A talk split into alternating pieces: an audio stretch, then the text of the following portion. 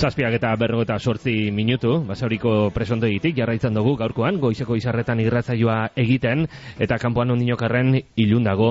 Baina, e, basauriko eta beste espetxe batzutako kakotxen artean askoren iruditerian egoten dan iluntasun horrega apurtzeko, orain dela urte batzuk, Bilboko Eleizbarrutiko kartzela pastoraltzatik jaiosan, irabazi asmorik bako erakundea da bidesari. Mila bederatzireun da, larogeta amalaugarren urtean. Presoakaz esku hartzeko behar izanari erantzuteko sortu zan, espetxe barrutik, suspertze edo bultzatze personal eta gizarteratze prozesuei ekitea albidetzea eban, bidesari sortu zanean, alkarte horrek helburu hori eukan, hainbat urte pasau dira eta bardin jarraitzen dabe. Eta esan behar dugu gainera voluntarioz eta profesionales osatutako sarea dala eta hainbat proiektu garatzen dago azala horretarako. Eta gu geuk bidezariko kideetako bat gonbidatu dugu bertora, or, Eraklio barona da bera, Eraklio egunon. Egunon, egunon. Kartzela barruan eta kanpoan burutzen dau bidezarik bere jarduna. E, zelangoa da edo zenora bidetan egiten dozuelan barruan eta eta kanpoan? Bai hori da, e, gure gure elkartea orain dela ia 30 urte sortu zen. Eta handikona e, gure asmoa izan da e, gizarteratzeko prozesuak e, bultzatzea.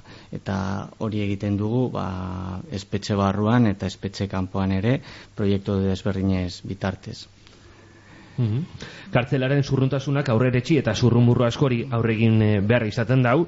E, zelangoak e, entzun eta zelangoei aurregin behar izaten dautzazue? Zeintzuk zurrumurru dira tipikoenak eta zeintzuk zurrumurru desmonta behar izaten dauzu ez askotan? Bueno, mm, zurrumurru asko egia esan badago espetxari buruz, no? Niri bete gustatzen jate azpimarratzea zelakoa den Espainiako e, zigor e, penala, e, gure sistema zelakoa den, e, Espainiako sistema e, Europako gogorrenetariko bat da, e, hemen beste herrialdeekin konparauta jende gehiago sartzen da alako espetxean eta gainera egiten dute denbora luzeagorako. E, horretaz gain, bueno, ezagutzen baduzu zer dagoen espetxe barruan ikusten duzu gehienak ezartzen dira delitu, delitu txikian gaitik eta gainera e, giza bazterketako egoerarekin lotuta. E, eguneko amalau baino ez dira delitu larriak bete dituztenak eta nire txatori aurre ikusi garrantzitsu bada apurtzeko e, Espainiako zigor penala aipatu dozu, ze zuzeu eraklio e, abokatua zara, e, abokatu moduan laguntzen dozu bidezarin, ala bestelakoa da zure jarduna? Bueno, ez bereziki abokatu bezala, baizik eta, bueno, ni e, deitzen, e, bueno, nik emoten e, edo egiten dudana da arreta juridikoa egitea edo aholku e, juridikoa emotea e, talde baten barruan, ezta? Eta gure taldea ba e, psikologoak eta ezitzaileak eta e, bueno, pues mota desberdineko profesionalak e, eta jar, e, saiatzen dugula bakotsak bere aldetik e, bultzatzea olako prozesuak beti be e, espetxeko teknikariekin e, koordinazio estua mantentzen, ezta? Erakio, eta mm, espetxeko komunidade osoa gaz egiten dozuelan edo profil jakin bat aukon e, e, presoagaz e, izaten da zuen hartu emona eta zuen e, laguntza. Bueno, jarduera batzuk e, guztien txatzabalduta daude, gero aipatuko dudanez, baina e, batez ere gure proiektu batzuk gizarte bazterketako egoberan e, bizi direnen txat e, pentsauta daude, ezta? E, bueno, lehen esan dugunez e, espetxe barruan e, gehienak e, egoera larriak e, bizi izan dira. E, gehienak ez dute ukin familiaren babesa. E, ez, ez daukate lanik ez daukate formakuntzarik e, ez dituzte diruzarrerik e, askok e, ba, adikzioak e, pairatzen dituzte, askok ere arazo osasun mentalak dituzte, eta bueno, e, euren e, egoera hobetzeko zuzenduta daude e, gure gure jarduer mm nagusiak. Eta presoen gizarteratzean bidesarik emoten dauen laguntzea zertan datza, hau da, zu, zuek e, barruan egoten sarie, presondei barruan, eurak asalkartzen sarie, eta zer egiten dozue?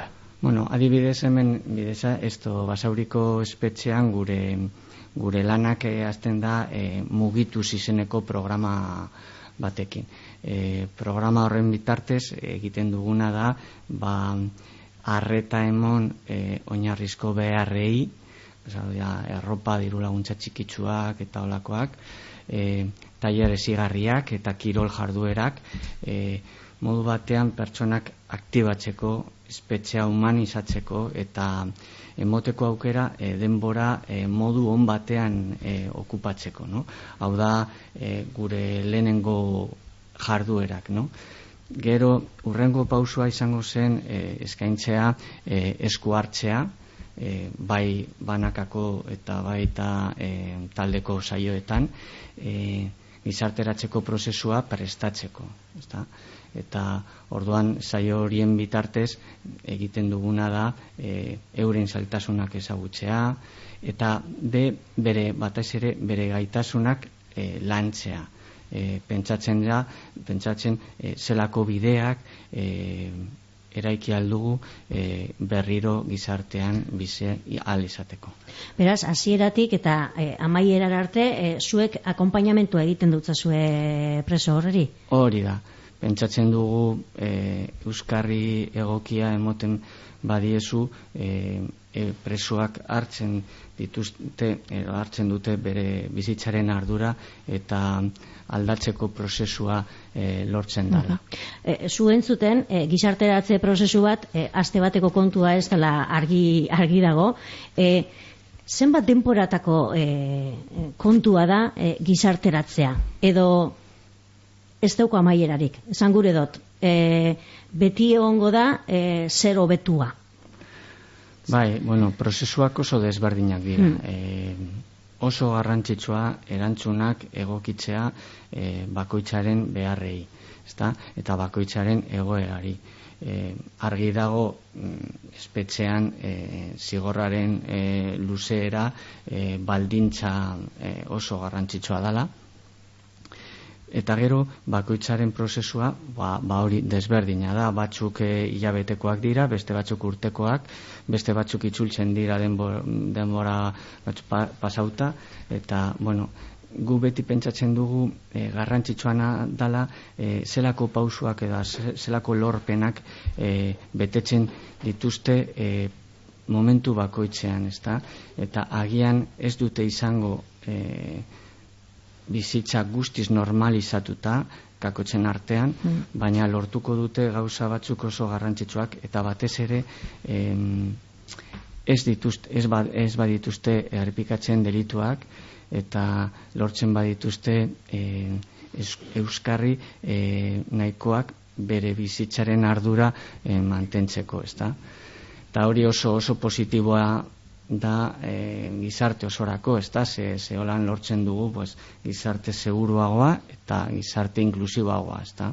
Uh e, bidezari gazlotutako azkeneko barri batzutan ikusi dugu zelan e, Bilbao basketeko edo atletikeko jokalariak etorri izan diran, e, espetxe barrura presoak asegoten, besteak beste Iker Muniain eta Lekue egon dira eurakaz e, berbaz, zelan joan zan esperientzia hori? Bueno, ba, ba oso polita zan oso politak ze, e, ba hori talde e, dizdigari garri horien bitartez lortzen dugu ba sensibilizazio potente bat e, gizartean, ezta? Eta lortzen dugu be aurre ikusiak apurtzea, ezta lehen aipatu dugunez. Eh azkenean kirola oso herramienta ona da e, pertsona batzuk aktibatzeko, ezta? Eta prozesuak e, e, azteko, ezta? Holan e, lortzen dugu lehenengo harremanak pertsona batzuekin eta lortzen dugu espasatzeko denbora osoan, bas, geldi eta ezeregin barik eta betiko kontuetan, eta, ezta? Eraki zenbat laguntzari bidezarin, hemen ba, basaurin lanean? Bueno, e, elkartean hogeta bost pertsona lan egiten dugu, eta gero berrogei voluntario inguru e, laguntzen du, dute be e, bueno, de, jarduera desberdinetan.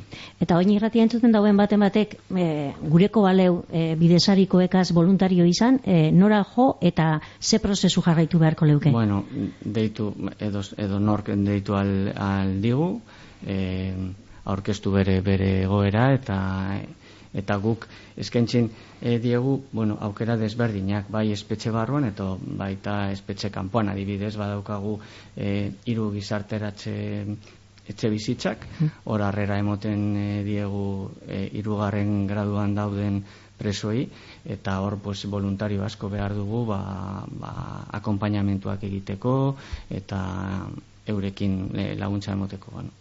e, hori bai ba, ba, etorten direnean bidezari da ba, beti e, pues, emoten digu formakuntza txikitsu bat ba, jakiteko zelan jokatu e, bueno, espetxe barruan edo zelan jokatu gure, gure jardueretan. Ba, minutu bat, baino ez da falta, goizeko sortzietarako, e, kartzela pastoraltzako bidesari taldeko erakileo barona. E, eskerrik asko, gaur, goizeko ordu e, txiki honetan, gurera basauriko espetxe honetan sortu dugun estudio honetara etortea gaitik eta sorionak egiten dozuen lanagaitik. Eskerrik asko zuei eta mi esker.